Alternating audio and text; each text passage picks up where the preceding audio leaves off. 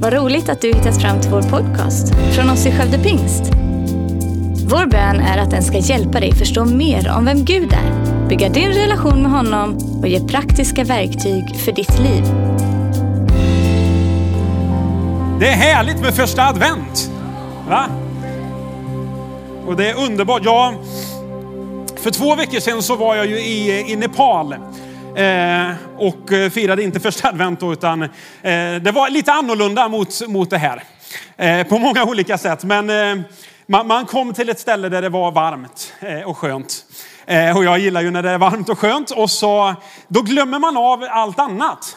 Och så när man var där så tänkte man det är ju liksom sommar och det är skönt. Och, och så kom man in till flygplatsen och så står det en julgran där.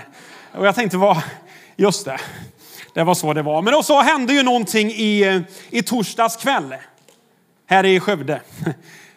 Det kom snö.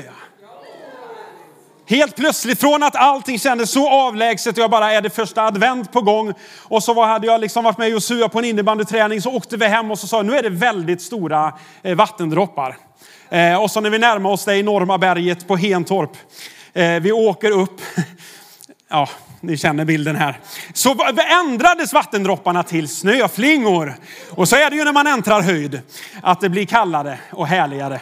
Eh, så där uppe så tittar man ut efter en stund och så var det vitt där ute. Och så, åh vad härligt det var. Så plötsligt så känner man att nu är det faktiskt på gång att bli jul. Eh, och för mig gjorde det väldigt, väldigt stor skillnad att det var vitt där ute. Eh, och så på fredag morgon så, så vaknar vi upp. Grabbarna har aldrig vaknat så tidigt tänkte jag säga. Eh, och tittade ut och var liksom, jag vet inte, de var helt i extas över att det var snö ute. Eh, och ville helst, tror jag, missa skolan så att man bara kunde hem och åka bob. Eh, för det är ju livets stora glädje. Eh, så jag vet inte, de var ute väldigt tidigt och skottade snö. Eh, har nog aldrig varit så redo för att gå till skolan heller.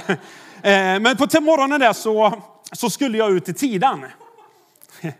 Nu hör ni någon som skrattar. Hon var med mig till Tidan. Vår ungdomspastor Ellen. Eh, vi skulle ut, ja ni kan ge Ellen en applåd. Jag får nästan ta det här. Ellen, alltså vi, ni ska ju veta det, vi har ju vi har världens bästa ungdomspastor. Det måste ni bara... Ellen hon är så bra. Eh, och du vet att få ha en ungdomspastor som älskar Guds ord som varje vecka kämpar för att hjälpa människor fram till Jesus. Som du vet ber, som fastar, som leder människor till dop, till frälsningsbeslut, till andedop. Alltså jag älskar det. Och jag hoppas att ni bara ber för Ellen. Jag skickar med det här nu. Lyft Ellen, du vet, hon, ni behöver bjuda hem henne på lite mat. Och ni kan swisha en liten gåva till henne. Du vet, Bibeln säger att vi ska uppmuntra våra ledare. Så jag tänker, kanske det kan plinga till lite här under, eller kanske efter gudstjänsten då, för nu är ni fullt fokuserade på Guds ord här sen. Eh, men gör gärna det. Vi behöver uppmuntra varandra. Men du vet, så åkte jag och Ellen ut och skulle ha en samling i, i Pingstkyrkan i Tidan. Eh, och så skulle alla skolbarnen från Tidan, skolan komma dit, årskurs 1 3 och sen 4 6. Eh, och så fick vi möjligheten att få, få dela Guds ord med dem Eh, och bara få möta. Det var så kul tyckte jag när jag hade årskurs 1 till 3. De satt där inne, vi fick uppleva eh, allt möjligt där inne tänkte jag säga. I, I sånger och jag vet inte, drama och allt vad det var. Eh, men så, så, så gick jag upp och så frågade jag barnen, vad, är, vad betyder advent? Och du vet, de var, nu snackar vi årskurs 1 till 3. De bara tittade på mig och sa bara ankomst. Och jag tänkte det här var, det var bra. Och då sa jag, men vem, vems ankomst är det vi firar då? Jag sa, men Jesus, vi kan det här. Då tänkte jag, vad gör jag här? Jag ska någon annanstans. Eh, men så, ursäkta, så fick vi möjligheten att få dela ändå ett ord om att leva i förlåtelse och påminna oss om det nu kring jul också. Att vara snabba till att förlåta varandra. Jag tyckte det var så härligt ändå eh, att få träffa skolbarn och få ge dem Guds ord för att det är advent. Eh, och så satt vi och firade liksom Eh, barnen satt kvar där uppe och, och, firade och vi gick ner med lärarna. Så var det finfika. Det gillar ju herr Larsson vet ni. Så att där, där fick vi tillbringa lite tid. Och då sa en lärare, jag har jobbat här, vi har nog hållit på med det här i 30 år. Jag tänkte vilken grej. Det är en bra tradition. Att ta barnen till kyrkan för att, och då sa de, men det är viktigt att vi berättar varför vi gör det här. Varför vi, och det är ju så. Få in, varför firar vi jul? Varför gör vi det här? Jo men det är för Jesus. Eller hur? Sen, jag vet inte, jag får nästan fråga Simon teologiskt där. Jag, jag sa till barnen så här att, att eh, ja, jag, jag, kan ju köra i lite olika riktningar ibland och så behöver jag liksom få ordning på det. Eh, men jag sa till barnen att de vise männen kom ju och gav Jesus presenter. Och det är ju därför vi ger varandra julklappar. Ja, det fick vi det bekräftat också. Så att då kan ni själv, det är skönt att ha den direktkopplingen.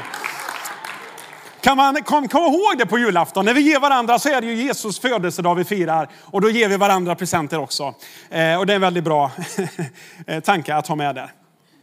Vet ni vad? Vi ska läsa Guds ord tillsammans. Det är ju första advent. Eh, Matteus kapitel 21. Jag har ju kikat upp kyrkoårets texter. Eh, någon gång ska jag vara den första. Eh, och då är det bra att titta. Och då är det Matteus 21. Det är ju egentligen palmsöndagens text här, men vi, ska, vi ger oss in i den här. När Jesus rider in i Jerusalem. Ibland är jag lite så här, ni behöver inte oroa er. Jag, jag tog tre så här coronatest på en vecka typ. Alla är negativa, men jag är fortfarande positiv. Inte som corona då, utan eh, som människa. Eh, så ni kan känna er lugna här. Eh, Matteus 21 ska vi läsa. Eh, vi har lite diskussion hemma ibland, för Noah tycker det är lite spe speciellt att ska, man ska få negativt när vi ska vara positiva. Eh, och det är lite jobbigt det där, men det är ju är som det är. Vi är positiva fast ändå negativa då. Får man försöka lära sig det. Eh, från kapitel 21 och vers 1 så, så står det så här. När de närmade sig Jerusalem eh, och kom till Betfage vid Olivberget så sände Jesus iväg två lärjungar eh, och sade till dem, gå in i byn där framför er. Framför er. Där ska ni genast finna en åsna som står bunden med ett föl bredvid sig. Ta loss dem och led dem till mig. Och om någon säger något till er så ska ni svara, Herren behöver dem.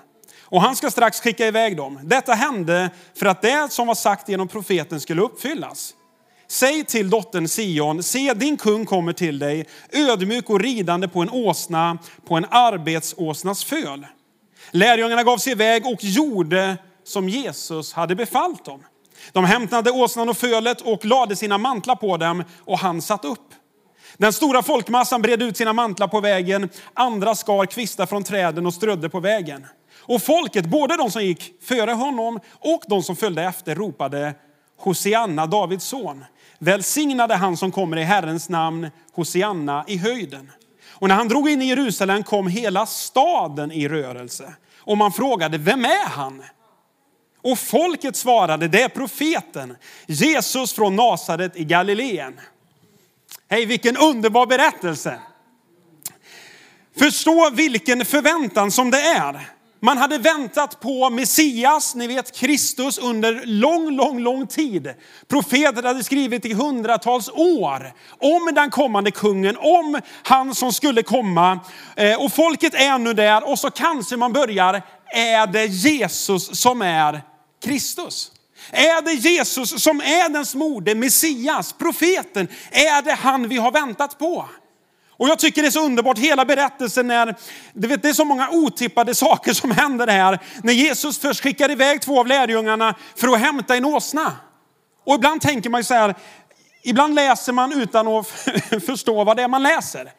Men han skickar iväg två lärjungar för att hämta åsnan. Och du vet, tänk om, om vi skulle göra så idag. Det behöver inte vara åsna då. Men du vet, skickar iväg någon och säger, vet du, hämta bilen som står där borta. Om man bara säger, är det din bil? Så nej, så vi ska ta en bild där borta? Ja. Jaha, men om någon frågar något och säger Herren behöver den. Ska testa det sen. Det står något borta på Sandtorget som jag tycker är schysst. Kan ni hämta den? Ska vi verkligen göra det? Ja. Säg att Martin behöver den. Eh, nu ska vi inte göra det. Ni behöver känna er lugna så. Men det är vad man gör. Och jag älskar att det står att lärjungarna gav sig iväg och gjorde som Jesus hade befallt dem. Det var inte det att de började ifrågasätta, undrade och sa nej, vi ska nog inte. De gjorde som han sa. Och jag älskar och jag tror att det är en utmaning till oss idag. Låt oss göra det Jesus säger. Ibland så ska vi ifrågasätta och tänka, ja, men det var för länge sedan, det är en annan kontext, det är något. Nej, det är Guds ord. Eller hur? Det som står här, nu kommer vi igen. T-sagt gäller. Eller hur? Det som står där, står där. Och jag tror att vi bara behöver göra det ibland. Står det att vi ska lägga händerna på sjuka så behöver vi lägga händerna på sjuka. Står det att vi ska vara vittnen för att berätta om vad Jesus har gjort så behöver vi vara vittnen för att berätta vad Jesus har gjort. Ja, jag ska fråga Gud om det är rätt. Nej, det står redan här. Det som står här, hans liksom allmänna uppenbarelse, den behöver vi inte ifrågasätta. Den kan vi bara agera efter. Sen tror vi på den specifika uppenbarelsen där den helige ande talar i olika situationer, aldrig emot Guds ord, men med Guds ord. Men det som står, det kan vi bara börja göra. Och jag tror att vi ibland behöver vara lite snabbare till att faktiskt bara sätta igång och göra det. Och så står det att varför hände allt det där? Jo, men det hände för att det som var sagt genom profeten skulle uppfyllas. Jaha, men vad är det för någonting? Jo, men då hade ju Sakarja som levde typ 500 år innan Jesus. Han hade skrivit ner just den här eh, grejen. Säg till dottern Sion, se din kung kommer till dig, ödmjuk och ridande på en åsna, på en arbetsåsnas föl. Och så, så de säger, varför hände det här? Därför att det var sagt 500 år innan. Profeten hade skrivit ner det och helt plötsligt går det uppfyllelse och folket började känna igen för de kunde ju skriften. Det är ju precis som er här inne. Eller hur? Vi har memorerat hela skriften. Vart står det Sakarja? 9.9. Ja, jag tror på er pastorer. Där stod det. Kan inte du säger ni? Nej. Eh, men det står i, i Sakarja. Jag tror att det är vers 4 faktiskt. Men det är ingen fara. Eh, jag hade antecknat det alltså, det var därför jag såg det. Eh, men du vet, de kunde så att de kände igen och inser, ja men då är det nog Messias. Varför? Därför att de kände igen och sa, men nu stämmer det också in. Han kommer här på en åsna inridandes. Och du vet, det var så många grejer de hade ju känt igen innan. Därför att en annan av profeterna, Mika, hade ju skrivit att han skulle födas i, i Betlehem. Och var föds Jesus? I Betlehem. Och du vet, det ena efter det andra börjar hända. Varför då? Därför att det var redan sagt genom profeterna. Och när sak efter sak börjar träffa in, det har det säkert gjort, var Jesus den första som föddes i Betlehem? Nej, det har nog fötts ganska många där. Och det var kanske flera man hade sagt innan, kanske han är profeten. Kanske det är han. Men helt plötsligt så börjar sak efter sak efter sak falla på plats. Och man inser det verkar som att det är något nytt på gång. Och mitt i allt det där, jag försöker ibland att sätta mig in eh, och se här när Jesus kommer och hur lärjungarna lägger upp sina mantlar på åsnan och börjar liksom förbereda. Och då tänker man så men varför rider han in på en åsna? Varför tog han inte en flodhäst tänkte jag säga, det ska jag inte ta med. Det är väldigt roliga djur. Ja, förlåt. Eh, han kunde ju ha tagit en häst. Det var så man hade tänkt. Kan vi inte rida på en flodhäst? Nej, det ska vi inte göra. Eh, han kunde ju ha tagit en häst, men då är det ju så här, vad, vad är det en häst symboliserar? Krigsherren, eller hur? Man tar makten med svärdet.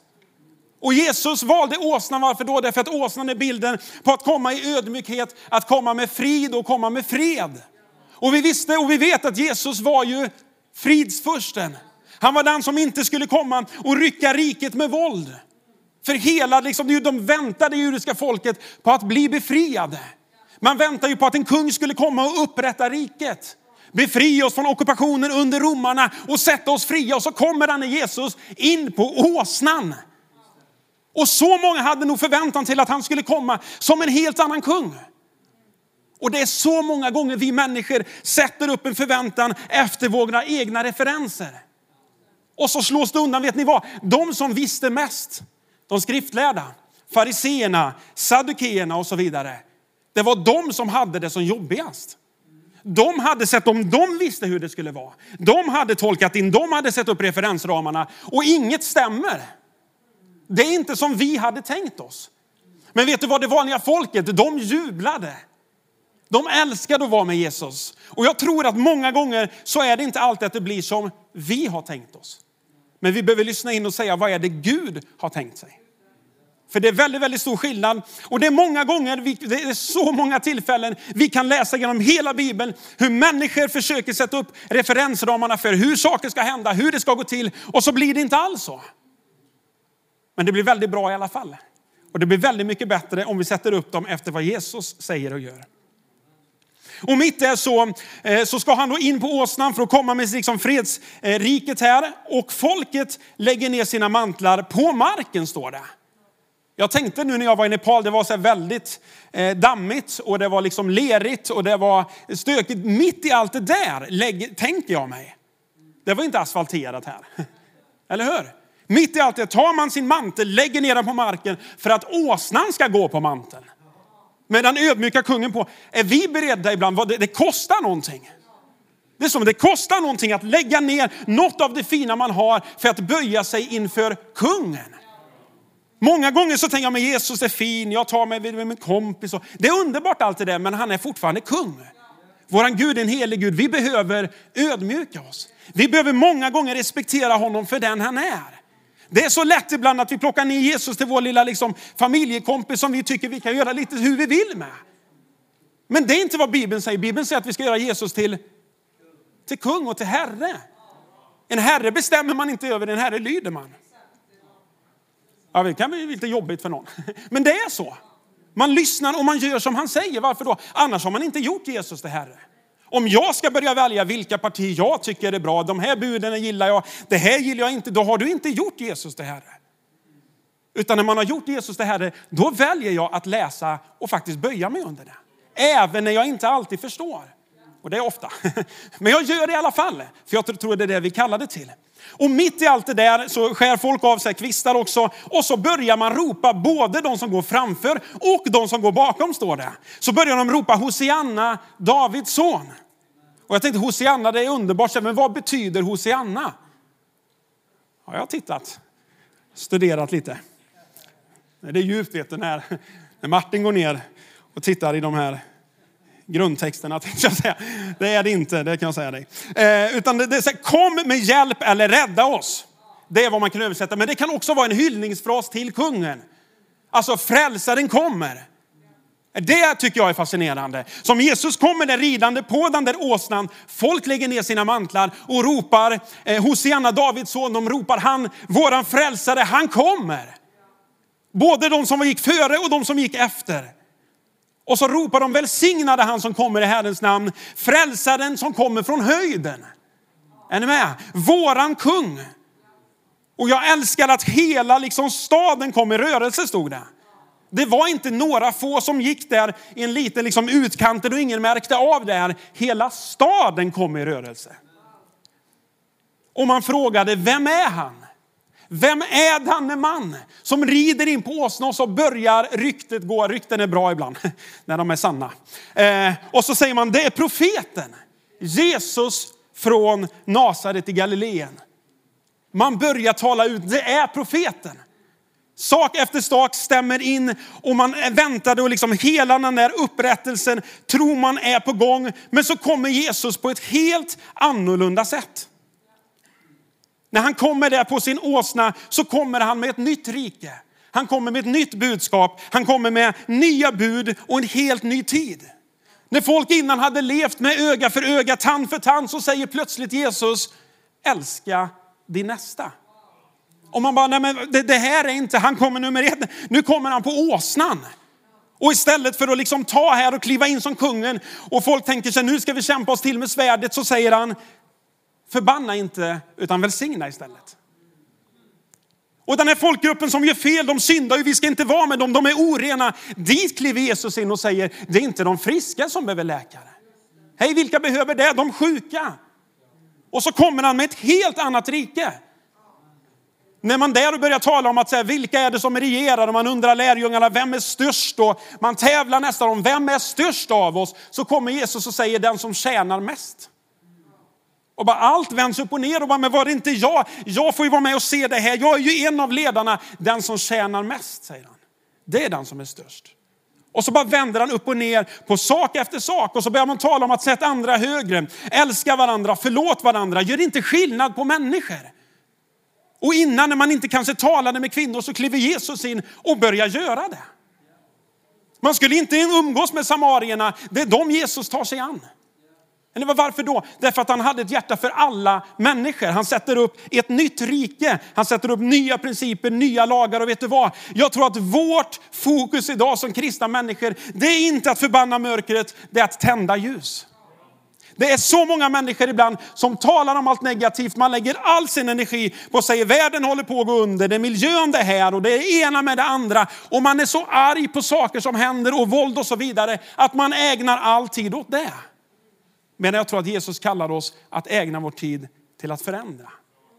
Istället för att tala, vi ska inte ignorera det andra. Vi kan nämna hur fruktansvärt det är, men istället så gör vi en skillnad. Istället för att säga att det finns så många i Skövde som lider och som inte kan äta sig mätta, vad gör vi då? Tänk om vi kunde dela ut matkassar. Tänk om vi kunde hjälpa någon annan. Tänk om man säger det går inte att köra julföreställning, allt ställs om, det är så osäkert. Vi får avvakta tills vi vet det kommer inte bli någon julföreställning. Istället säger vi, vi gör någonting. Hej, vi tänder ett ljus. Vi vet inte restriktionerna, men utifrån det vi vet så gör vi någonting. Och jag tror i allting att vi behöver fokusera på att tända ljus istället för att förbanna mörker. Istället för att leta problemen, leta efter lösningarna. Istället för att se alla liksom saker som inte stämmer, se något som stämmer. Något stämmer väl ändå?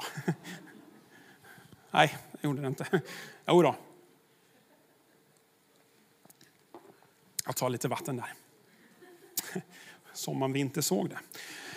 Eh, ni vet, jag, jag, tror, jag och Daniel för några veckor sedan då, Vidmark.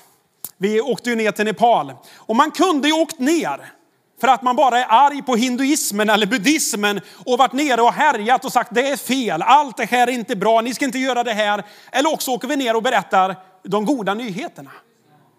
Jag tror att än en gång så måste vi ställa om och säga så här, är vi för någonting eller är vi emot någonting? Nej, vi är för Jesus. Vi är för människor, vi vill hjälpa dem. Jag behöver inte åka dit och säga att det här är dåligt, det här är negativt. Jag kan istället berätta vem Jesus är. Och så tror vi att den helige ande gör någonting. Och jag tror faktiskt med, vi ska se om ni kan få se en bild på hur vackert Nepal är.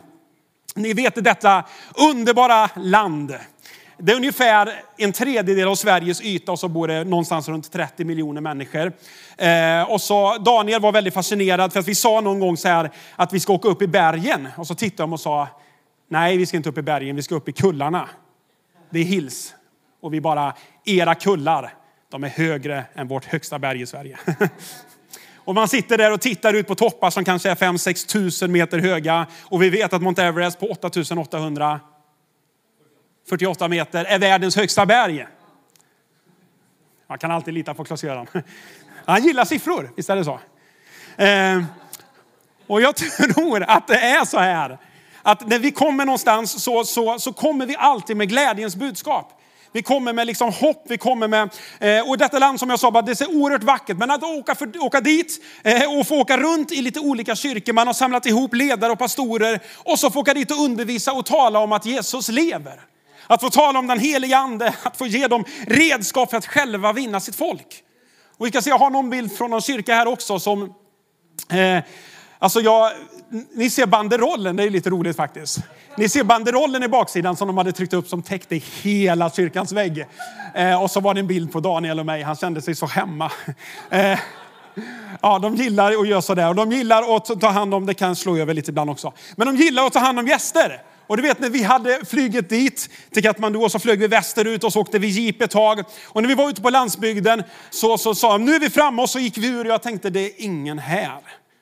Eh, men vi kör väl i alla fall. Eh, och så gick jag några steg igenom, du vet någon liten gård typ. Eh, det var ute på landsbygden och så helt plötsligt från ingenstans så dyker det upp så mycket människor. Och så går jag och Daniel, han tyckte det kändes som någon slags bröllopsceremoni för de kastade blommor så här. Och så gick vi i en allé in i kyrkan och de sjöng och var så glada. Det har jag inte haft här. Nej, eh, och det behöver ni inte, men det var väldigt roligt får jag säga. Eh, och så kom vi in där och så får vi undervisa och predika och du vet, det finns en sån hunger. Och jag älskar det. Du vet, vi, när man gör en inbjudan och så bad vi med människor till andens dop och, eh, och så efter så avslutar vi gudstjänsten och så undrar vi var, varför, varför kommer det så mycket människor tänkte jag säga. Men alla vill ju någonstans ha förbön. Den är sjuk, den här har någon ond ande, den här är det här och det ena med det andra. Och man står där och man ber och ber och människor bara längtar efter Gud. Det är som här. Ja, jo, jag vet, ni är superhungriga på Gud, men jag tycker det är så underbart. Människor som ibland inte har någonting. Man lever så fattigt, man liksom, man, man, det finns inte. Och man tycker liksom att deras vardag är väldigt utmanande och väldigt tuff, men ändå så är bara, de är så glada. Och de bara lyser ifrån dem. Och så står vi där och så säger de så här, nu ska vi ha dop också. Så går man ut i, i en liten flod på baksidan. Eh, och jag frågar innan, och jag gör det varje gång, det är inga krokodiler här. Eh, och de skrattar åt mig och säger, nej Martin det är inga krokodiler i den här floden heller. Eh, men det finns det, men inte i de floderna. Och så var vi där och du vet, vi gick ner i vattnet. Och, och du vet när repalesen tar första steget, vi ska se om vi har någon dopbild här, här så, så du vet, de skakar nästan och sa det här är så kallt och jag och Daniel gick ner, det är som svensk sommar. Eh, det är säkert 15 grader här i det smältvattnet eller vad det nu är. Eh, men det var så underbart och så får vi vid tre olika ställen vara med och döpa. Vi fick ju se en film där för någon vecka sedan. 37 människor. Det är jag. Därför att jag tror att Gud gör någonting i Nepal. Och vi är så glada att få vara igång för att få predika evangelium och hjälpa människor att få se Jesus. Och runt på, på, på, på många olika platser så åkte vi. Det var ett tillfälle, jag vet inte, är Daniel här idag? Nej, han inte va? Då kan man berätta på. Nej då, han, vi, vi åkte jeep på vägar. Du vet, jag, jag har rest på några olika platser ändå. Men det här var, det här var riktigt illa vägar. Eh, och du vet, det är ju, de har ju sina kullar då. Eh, och det sluttar ganska mycket. Och vid något tillfälle så var vi, det var liksom, de hade ju gjort en väg eller kallade det väg i alla fall. Och vi åkte på den där och gick väldigt, väldigt långsamt. Och det blev smalare och smalare och det var ganska bra sluttning ner. Och till slut så, så stannar chauffören för vi inser, vi vet inte riktigt om vi kommer, eh, det är lite för smalt på det här. Och jag och Daniel, han tittade ner lite och sa, det är ganska högt här. Ja, det är ganska högt här. Och det har varit så här, du vet, det är lera och det har varit så här landslides, alltså vägen rasar ner från berget. Så då går chauffören ut och så, så går han fram till kanten så här och så trycker han med foten lite så här. Och då tittar Daniel och säger, är det testet för om det håller med bilen? Jag tror det, sa jag. Så kommer han in igen och så sätter han sig och så säger han typ, men det här går nog. Och vi sitter där och tänker, ska vi vara kvar eller ska vi låta han köra över? Och då säger våran kontakt där nere, tittar han så här, har ni ingen tro? Jo, det har vi, sa vi. Det är bara att köra. Vi är redo. För då tittade jag och sa, Daniel det har varit kul att lära känna dig, sa jag. Eh, då såg han lite nervös ut faktiskt. Men vi åkte över, det gick jättebra, för vi är ju här. Eh, och men det var så också härligt, vi kommer till en by där vi åkte ett par timmar eh, och det finns ingen el och de tittar väldigt mycket på oss och så säger han, den här kontakten till oss, här har de nog aldrig sett en vit människa innan. Då är vi historiska. De står och tittar på oss och vill nästan känna på huden och tänka, vad är det här? Och jag får förklara för dem att i Sverige syns typ inte solen. Det är därför vi ser ut som vi gör. Och sen när det blir sommar sa jag, då, då springer alla ut för att försöka se ut som ni. Eh Eh, så ni, man får ju uppmuntra dem och säga att ni kanske är, är de vackraste människorna. Ni är så otroligt fina. Alla i Sverige vill se ut som er. Eh, och vi jobbar hårt men ingen lyckas. Eh, men ändå gör vi likadant varenda sommar. Eh, det finns de som, det sa jag inte, men det finns ju de som liksom försöker in i solariet för att göra någonting så att det kan se brunt ut. Ändå går det inte. Eh, eh, det ska man inte säga till de som kämpar med det, men det ser bra ut. Men att få vara där och få predika Jesus och bara säga till er, det här är vad vi är med och gör. Och jag tror när vi talar om att vi är på väg in i en ny missionsrörelse så tror jag att det här är ett av startskotten. Och att vi kommer få se hur många, många människor får ta emot Jesus, bli frälsta och förvandlade, döpta. Och att få stå där nere och döpa dessa människor, att få lägga händerna på dem, få be att de ska bli döpta i den heliga ande och säga att det är ert ansvar att gå ut och vinna ert folk. Och du vet, vi mötte en pastor. Han, eh, han, var, han hade en utpost, det var den vi var och besökte. Det tog oss nog typ två och en halv timme med jeepen att komma dit ut. Eh, och han hade en pastor ut och så sa han en gång i månaden så åker han dit för att dela nattvard med församlingen. Eh, och den här killen, eh, han hade ett sånt hjärta att få vara med och tjäna och vinna människor. Och, så berättade han för oss att, att en gång när han kom på sin motorcykel eh, så, så, så helt plötsligt så kommer det en tiger förbispringandes. Det vill du inte vara med om. Eh, även om jag och Daniel hoppades det när vi satt i jeepen då. Eh, men så, så, så är det deras verklighet. Han kom och så sprang tigern förbi som tur var. Han hade nog aldrig kört så fort sen sa han. Eh, men det här är den verkligheten de möter. Men ändå säger de, vi bara fortsätter för att nå fler människor. Och du vet, jag tror än en gång, vi är där för vad då? För att tända ljus. Och när vi första advent här nu firar gudstjänst så är vi här därför att vi tror på att det tändes ett ljus. För 2000 år sedan tändes det ett hopp i den här världen. Man hade väntat i tusentals år men så tänds den där stjärnan. Som de där tre vise männen, om de nu var tre, men från östern följde och som visade sig stanna i Betlehem över den där Jesus Kristus. Och så tändes hoppet in i världen. Frälsaren har blivit född, en kung har blivit oss given. Och du vet, det är det ljuset när vi tänder ljus idag. När vi låter stjärnorna komma upp i fönstren så påminns vi än en gång att han lever. Eller hur vi firar att Jesus valde att komma till denna värld. Vi valde, eh, vi väljer att fira att han är uppstånden. Och jag tror att vi ibland behöver påminna oss om att Jesus en dag kommer tillbaka. Vi tror att vi lever i den tid där kanske Jesus snart är på väg att komma hit och hämta hem sin församling. Och jag tror att vi ibland i adventstid, när vi kanske lägger så mycket fokus på att göra ordning hemma, man ska pynta, man ska fixa, allt ska vara i ordning. Så tror jag att vi behöver förbereda våra hjärtan. Vi behöver tänka efter, varför gör vi det här? Tänk om vi denna julen, denna adventstiden skulle utmana varandra. Kan vi tända ljus för någon? Denna första advent kan vi vara med och tända ett ljus för någon annan människa. Är det någon vi kan ringa denna dag för att ge en uppmuntran? Är det någon vi kan åka och handla en matkasse till? Är det någon vi kan skicka ett blombud till? Är det någon vi på något sätt kan göra något för, för att tända ett ljus? Tänk om vi skulle göra den här adventstiden och den här jultiden till tiden då vi som kyrka börjar sträcka ut en hand på allvar.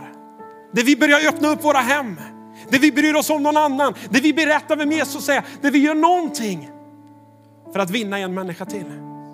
För det är alltid dit det kommer. Jesus kom för att vinna mänskligheten tillbaka.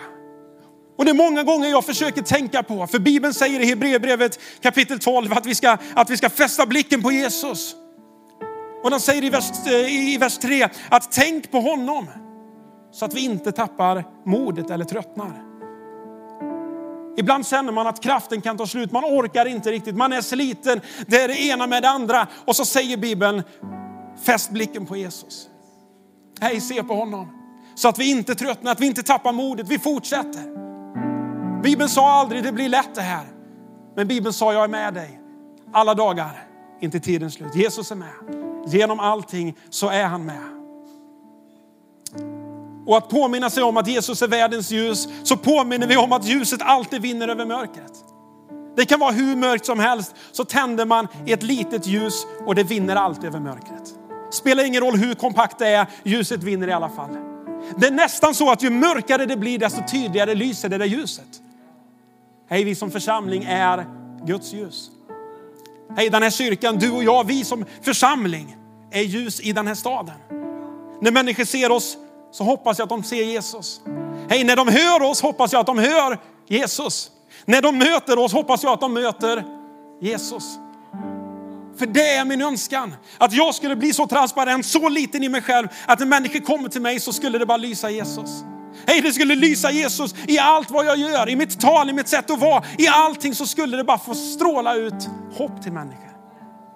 För jag tror att det är det vi är kallade till. Och det är det riket Jesus kommer. Det var inte riket där han skulle liksom slå sig igenom och ta makten. Det var riket där han gav sitt liv. Riket där han kom ridande på den där åsnan. För att han visste att mitt uppdrag är att bli den största tjänaren av alla. Att bli den som blir gjord till synd i vårt ställe, att bli den som blir uppspikad för att kunna vinna människor tillbaka till Gud. Hey, jag påminns om när Jesus hänger där på korset, att han hängde där med våra synder, våra sjukdomar, våra felsteg. Allt det där för att kunna tända en gnista hopp in i våra liv. Och att påminna sig om att det finns en framtid. Det finns en plats som kallas det nya Jerusalem. Det kommer komma nya himlar och en ny jord. Det kommer finnas en plats där inga tårar är, där inget mörker finns, där inte natt längre finns.